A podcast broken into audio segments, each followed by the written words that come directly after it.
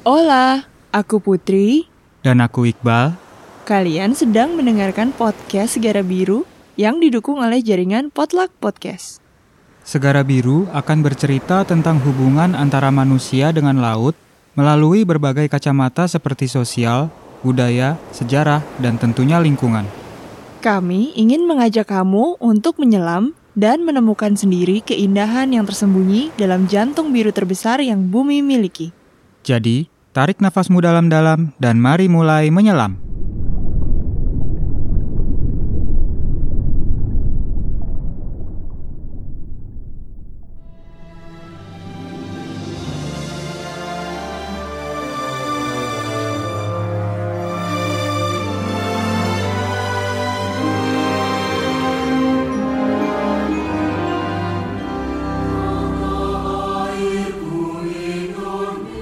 Indonesia merupakan negara kepulauan terbesar di dunia. Terbentang dari Sabang hingga Merauke, terdapat 17.499 pulau dengan luas total wilayah Indonesia sekitar 7,81 juta kilometer persegi.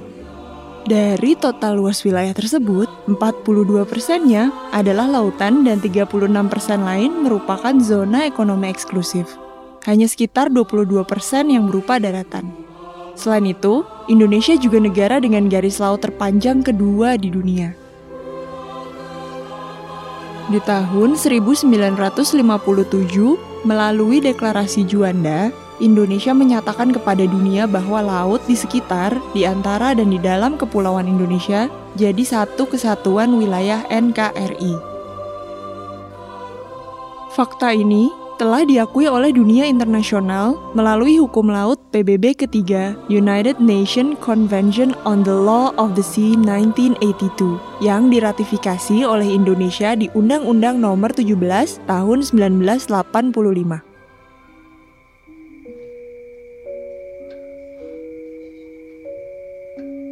Namun, jauh sebelum Indonesia diakui sebagai negara merdeka, Kekuasaan Nusantara dan identitasnya sebagai negara maritim telah direkam dalam sejarah Nusantara.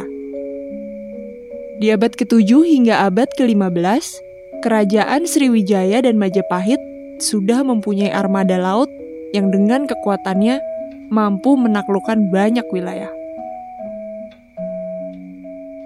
Dalam salah satu artikel di Historia yang berjudul Pengabdian Orang Laut, Disebutkan juga bahwa Sriwijaya menggunakan kemampuan suku laut untuk dijadikan prajurit.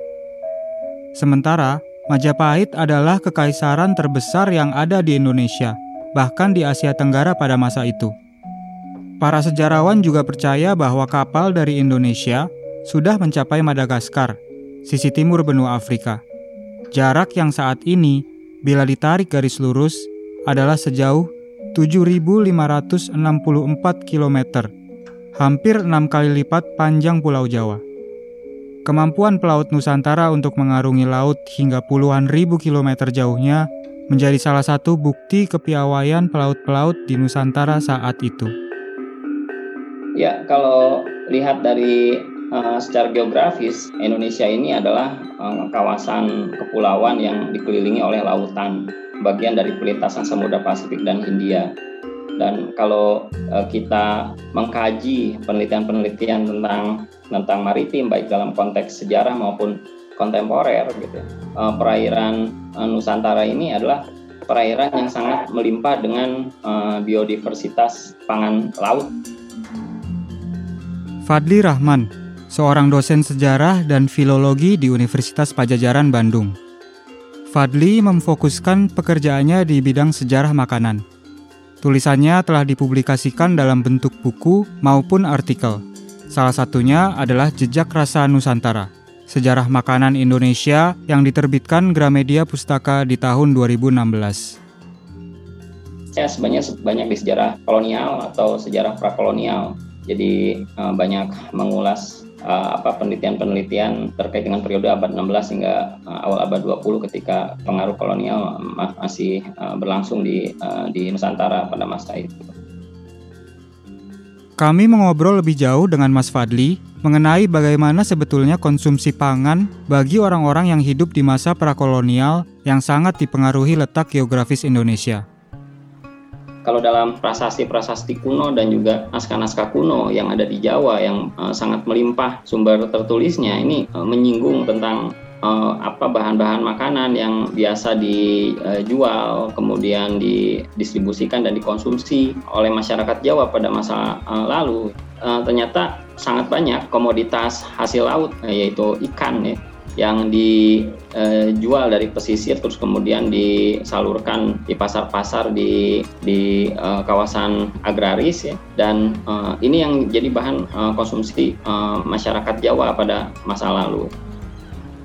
Uh, dari catatan-catatan sampai masa abad ke-13 Masehi uh, dalam uh, buku uh, laporan perjalanan uh, Marco Polo, The Travels of Marco Polo yang kemudian diterjemahkan dalam bahasa Inggris. Ini juga disinggung tentang keterpukauan Marco Polo, petualang Italia ini ketika melihat pasar-pasar uh, di pelabuhan yang sangat banyak menjual hasil laut ya, berbagai jenis ikan di Jawa dan juga di Sumatera. Dan dia meng mengasumsikan bahwa hasil ikan yang ada di Jawa ini sangat kaya melebihi kekayaan hasil laut yang ada di seluruh uh, bangsa di di dunia.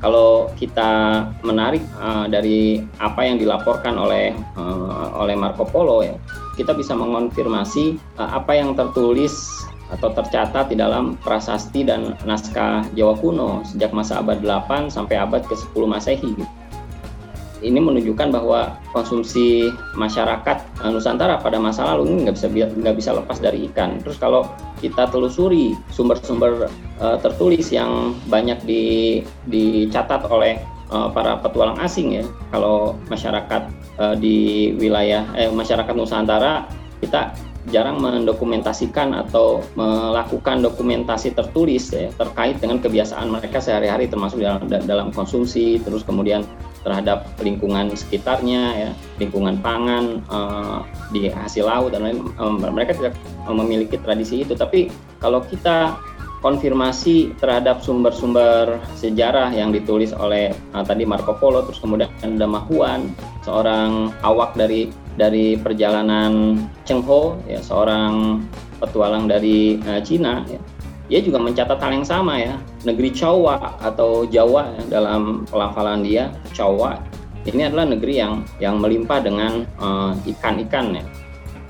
Uh, kemudian di masa abad 16 uh, hingga abad 17 beberapa petualang uh, dari Prancis ya yang datang ke Sumatera ke kawasan Tiku ya di uh, utara Sumatera Barat juga mengamati bahwa hampir sehari-hari konsumsi makanan masyarakat Tiku itu adalah ikan, ikan dan ikan. Jadi nasi dan ikan, dasi dan ikan. Menunya uh, nggak bisa uh, lepas dari uh, protein hewani berbasis uh, ini hasil laut ya.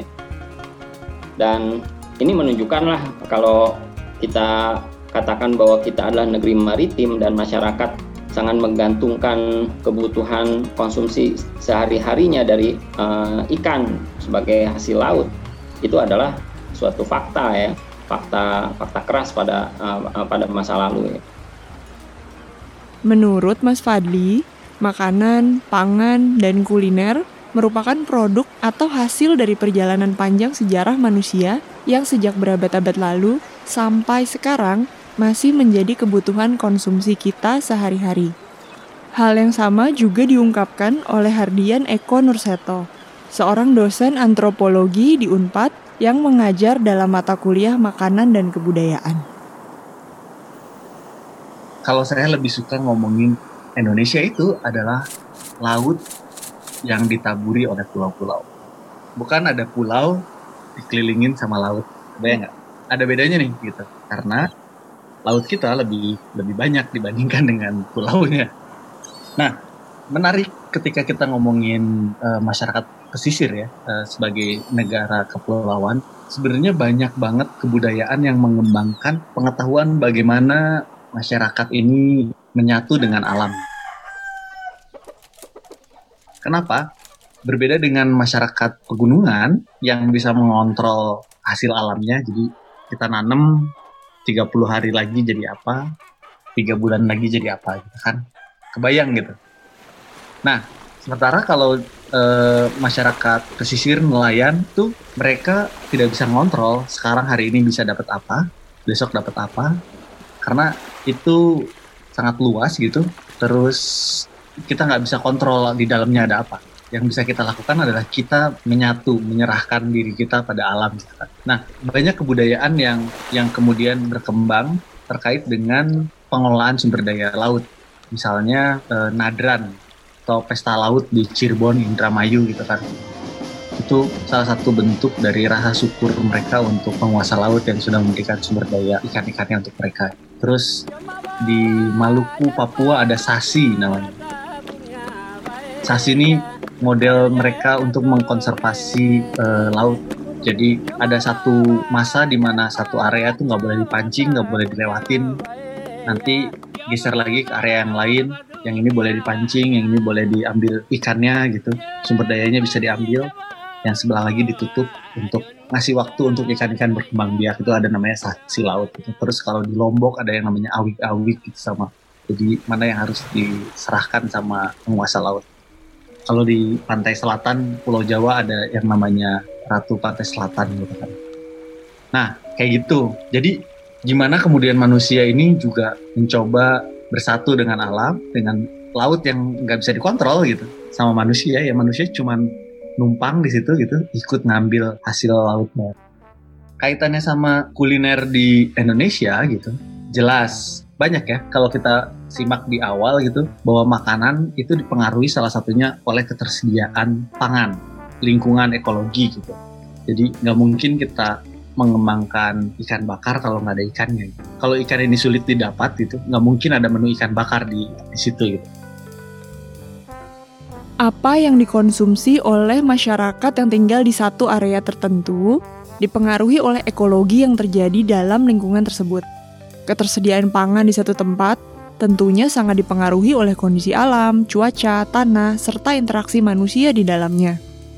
Jadi, bukan hanya letak geografis Nusantara yang ikut berperan dalam membentuk kebutuhan pangan manusia pada saat itu. Kekaisaran atau pemerintahan yang berkuasa di masa itu ikut berperan besar dalam menciptakan ekosistem supply dan demand yang terjadi di daerah pesisir. Yang pasti, laut ini adalah pintu gerbang atau ujung tombak ya dari kekuasaan eh, kerajaan-kerajaan di Nusantara pada masa lalu ya hampir seluruh wilayah kerajaan yang pernah berkuasa di Nusantara pada masa kekuasaan Hindu-Buddha sampai Islam, mereka mengedepankan uh, laut sebagai garda terdepan dari uh, pertahanan uh, teritori politik kekuasaan mereka gitu. Itulah kenapa kalau kita uh, cermati misalnya di relief Candi Borobudur itu ada uh, apa ada citra uh, perahu uh, bercandik yang menunjukkan bahwa um, nenek moyang kita dulu adalah bangsa pelaut ya. Kalau kemudian uh, apa kita dengarkan uh, lagu nenek moyang kita yeah. seorang pelaut, sebetulnya uh, itu sudah tervisualisasi uh, dalam relief-relief candi gitu yang menunjukkan bahwa uh, kawasan uh, maritim itu merupakan garda terdepan dari kekuasaan politik kerajaan-kerajaan tradisional pada masa prakolonial ya. Dan untuk bisa menaklukkan uh, suatu uh, wilayah kekuasaan politik tertentu, misalnya apa yang dilakukan oleh uh, Mataram maupun Majapahit, itu adalah mereka menaklukkan wilayah-wilayah pesisir dulu sebelum mereka masuk ke wilayah pedalaman. Ini artinya kawasan pesisir ya, jika dibandingkan dengan kondisi sekarang ya, kondisi sekarang kita uh, lebih banyak berfokus di pedalaman atau di uh, lingkungan agraris ya. Eh pada masa lalu uh, denyut nadi ekonomi, politik, ya, uh, militer, uh, pemerintahan bahkan ini banyak berdiri di wilayah-wilayah pesisir. Ini yang yang menunjukkan arti penting dari wilayah pesisir sebagai jantung dari kekuasaan politik para raja pada masa lalu. Bisa dibilang, semakin besar kekuasaan lautnya, semakin kuat dan besar kerajaannya. Begitu kira-kira gambaran Nusantara pada waktu itu. Kuatnya posisi kita di laut memberikan dampak pada pertumbuhan ekonomi sektor kelautan dengan tumbuhnya pasar-pasar di pesisir Jawa dan Sumatera yang menjual berbagai jenis budidaya laut. Seto, dosen antropologi UNPAD, berpendapat bahwa majunya sebuah peradaban bisa ditandai dengan cara pengolahan makanannya yang semakin kompleks. Dikutip dari sebuah buku berjudul An Edible History of Humanity oleh Tom Standage, Deputi Editor The Economist, makanan mempunyai peran sebagai salah satu pilar terjadinya perubahan dalam satu peradaban. Bentuk peradaban yang muncul dalam berbagai bentuk struktur sosial dipengaruhi oleh bagaimana satu peradaban bercocok tanam, mengolah, dan mendistribusikan makanan tersebut. Tom bahkan menyatakan bahwa pendistribusian kelebihan pangan bisa menumbuhkan sentralisasi politik. Ritual-ritual untuk mendatangkan kesuburan panen misalnya berkembang menjadi agama baru. Jauh sebelum adanya uang, makanan dipakai sebagai alat tukar-menukar. Kerajaan biasanya meminta upeti dalam bentuk makanan atau bahan pangan dari daerah kekuasaannya sebagai pengganti perlindungan untuk daerah tersebut. Bahkan ketika perang, makanan merupakan penentu keberhasilan apakah satu pihak akan bertahan lebih lama dalam peperangan dibanding pihak yang lain. Tidak jarang, makanan juga ditukar dengan informasi berharga dari pihak lawan yang akan dipakai untuk memenangkan perang tersebut. Sebenarnya makanan itu juga dipengaruhi salah satunya adalah oleh ekologi, ketersediaan bahan baku. Jadi uh, manusia itu akan beradaptasi untuk bertahan hidup dengan bahan baku yang ada, tapi agar dia bisa terus berlangsung gitu, akhirnya pengetahuan-pengetahuan ini diturunkan melalui budaya gitu. Kita tuh sebenarnya di dunia ini cuma punya tiga jenis makanan. Makanan yang dimasak menggunakan api, baik itu direbus, digoreng, dibakar tuh pokoknya dipanaskan menggunakan api. Kemudian makanan yang dimakan mentah, sama makanan yang dibusukkan atau fermentasi. Cuma ada tiga itu di, di dunia ini, nggak ada lagi. Nah, bahkan ketika manusia memakan makanan yang mentah, itu manusia menggunakan pengetahuannya untuk mengkonsumsi. Lu misalnya dilepas di hutan belantara gitu, kita pasti cari mana yang bisa dimakan dan gimana cara makannya. Kalau misalnya kita pergi ke pasar, kita akan tahu mana tomat yang udah matang, mana yang belum mana buah yang bisa dimakan langsung, mana yang harus diperam dulu. Gitu. Nah, mau makan mentah aja, kemudian kita menggunakan pengetahuan kita dari apa yang sudah diajarin sama orang-orang terdahulu, misalnya makanan mentah, wah kalau ada bengkoang nih enaknya dibikin rujak nih. Rujaknya rujak apa misalnya, beda ketika kita nemu kedongdong misalnya. Nah, kayak gitu. Jadi eh, bahkan itu untuk yang makanan mentah. Dimakan mentah ya, apalagi ketika kita cerita tentang makanan yang dimasak menggunakan api gitu. Nah, itu juga sangat cultural gitu. Jadi banyak pengetahuan yang diturunkan gimana cara mengelola api, gimana cara mengelola suhu pada makanan gitu. Nah, menjadikan makanan itu enak untuk dimakan. Dan yang paling alamiah adalah makanan yang difermentasi. Di sini, makanan berperan sebagai pengetahuan yang membentuk satu struktur sosial dalam masyarakat bagaimana satu pengetahuan, misalnya cara mengawetkan ikan dengan proses fermentasi, diturunkan dari generasi ke generasi. Makanan telah beralih fungsi menjadi pengetahuan yang dapat memberikan kekuatan untuk menopang sebuah kerajaan. Logikanya ketika ketika dia punya sumber daya berlebih, kalau nggak di awetin, kalau dia nggak menemukan teknik pengawetan, dia akan menjadi busuk kan, sayang kan. Nah, tapi ketika manusia bisa menemukan proses pengawetan makanan, di situlah mulai manusia bisa berpergian jauh. Jadi lu bisa nyerang kelompok lain kalau lu punya pasokan pangan. Lu bisa menguasai daerah lain, bisa pergi berbulan-bulan kalau kita bisa mengawetan makanan. Makanya ketika kita bisa ngawetin, kita bisa berpergian jauh dan itu tadi ternyata tiap daerah tuh punya cara sendiri untuk mengawetkan makanannya. Bahkan bahan makanan yang diawetkannya pun berbeda-beda. Jadi bahkan yang sangat nature ini juga kita menggunakan pengetahuan. Kita menggunakan pengalaman-pengalaman yang sudah diturunkan untuk memfermentasi makanan. Misalnya kita memperbudak ragi untuk membuat tempe gitu. Ya bantuin ngunyah kedelai untuk kita supaya gampang dimakan gitu atau kita gunakan jamur lainnya untuk bikin tempoyak misalnya. Nenek moyang kita tuh mengembangkan pengetahuannya gimana caranya bisa men menyelamatkan bahan baku yang melimpah gitu. Di tahun 2018, Parti Gastronomi, sebuah wadah untuk penggila makanan yang diprakarsai oleh empat pria asal Bandung, Hardian Eko Nurseto, Arifin Windarman, Reza Ramadan, dan Sandi Yuda Dananjaya, meneliti tentang fermentasi di delapan kota di Indonesia. Mereka menemukan bahwa setiap daerah punya ciri khas makanan yang diawetkan dengan caranya sendiri. Ketersediaan pangan yang melimpah di satu daerah biasanya jadi bahan dasar fermentasi di kota itu. Kita ke Medan, kita uh, neliti tentang tauco, tauco Medan. Di Padang neliti tentang dadia, fermentasi susu kerbau. Terus di Palembang kita neliti tentang tempoyak, fermentasi durian. Di Semarang kita neliti tentang sayur asin, sawi asin tuh, di fermentasi pakai air kelapa gitu. Terus uh, Purwokerto kita neliti tentang tempe. Lalu di Banjarmasin neliti tentang pakasam, iwak pakasam tuh ikan air tawar yang diawetkan pakai sangarayan beras dan garam. Terus di Samarinda kita neliti ikan jambrong kayak ikan asin gitu, ikan asin jambrong. Di Manado kita neliti bakasang itu adalah fermentasi dari perut ikan cakalang. Jadi kalau di Manado tuh kan banyak banget kan cakalang fufu ada di mana-mana. Nah, perutnya buat apa ya? Akhirnya perutnya ini difermentasi, terus dia menghasilkan umami yang sangat kuat. Jadi fungsinya sama seperti terasi, ngasih gurih dan ngasih aroma. Kalau terasi itu padat, kalau bak kasang nih cair kayak saus gitu lah. Tapi uh, aromanya sekuat si terasi. Ya bayangin aja, jeruan ikan direbus, dikasih garam gitu. Kira-kira kayak gitulah aromanya. Susah untuk tidak merasa kagum bagaimana setiap daerah bisa mengolah informasi yang didapatkan untuk memperkaya sumber pangan di daerahnya. Sedikit bergeser ke daerah timur Indonesia, Parti Gastronomi pernah mengangkat makanan khas Ternate.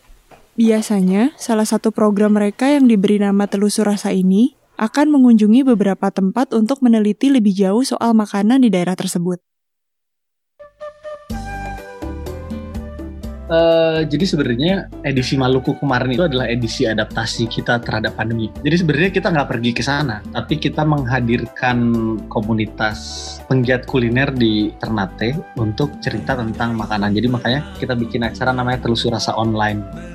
Karena tahun ini kita nggak bisa pergi ke mana-mana, jadi ya udah kita bikin webinar santai gitu untuk menghadirkan uh, lokal aktivis gitu mereka sebetulnya yang cerita. Jadi gue sebenarnya pada saat itu arti gastronomi belajar gitu tentang makanan di situ. Ya menarik sih kalau ngomongin kuliner di Ternate gitu. Karena ternyata di Ternate ini uh, makanan tuh nggak cuman buat dimakan aja sebagai kebutuhan biologis ya. Tapi makanan untuk upacara makanan untuk kayak perayaan buat pesta misalnya kayak gitu.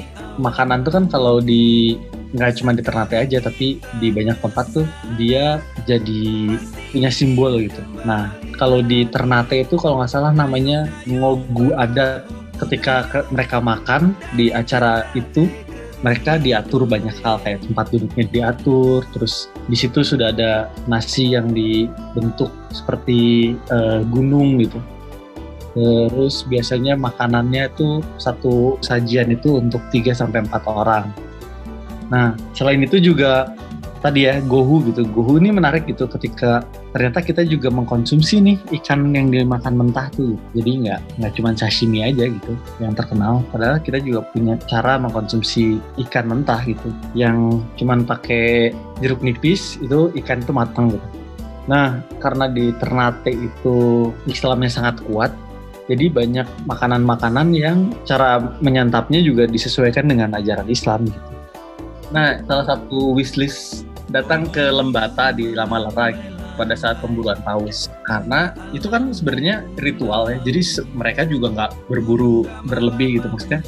Dia dapat satu ya udah itu kemudian dibagi-bagi untuk energi kampung mereka.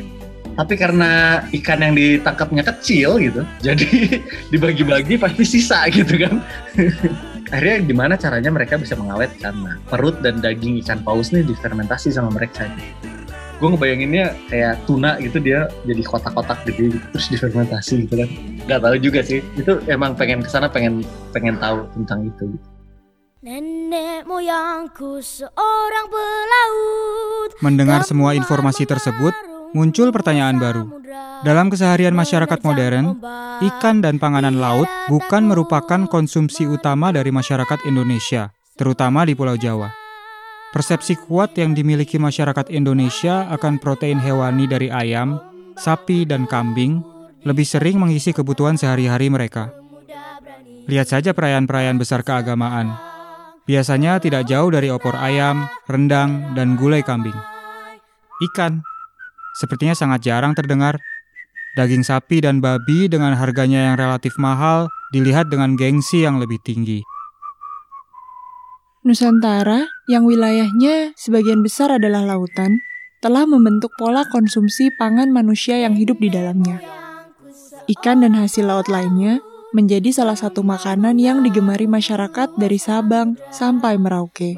Terbukti dari prasasti-prasasti dan catatan-catatan penjelajah Eropa pada waktu itu. Keadaan saat ini rupanya telah bergeser cukup jauh. Ikan bukan hidangan yang paling populer dibandingkan dengan daging ayam daging sapi, kambing, atau mungkin indomie. Apa yang menyebabkan popularitas ikan sebagai makanan primer tergulingkan oleh daging dan ayam? Apa yang mengawali perubahan pola konsumsi masyarakat di Indonesia? Kami dari Segara Biru akan menutup episode 3 bagian 1. Di bagian kedua, kita akan menemukan bahwa beberapa hasil alam Indonesia secara tidak langsung berperan sangat penting dalam mengubah pola konsumsi masyarakat Nusantara. Terima kasih kepada para pendengar dan Potluck Podcast.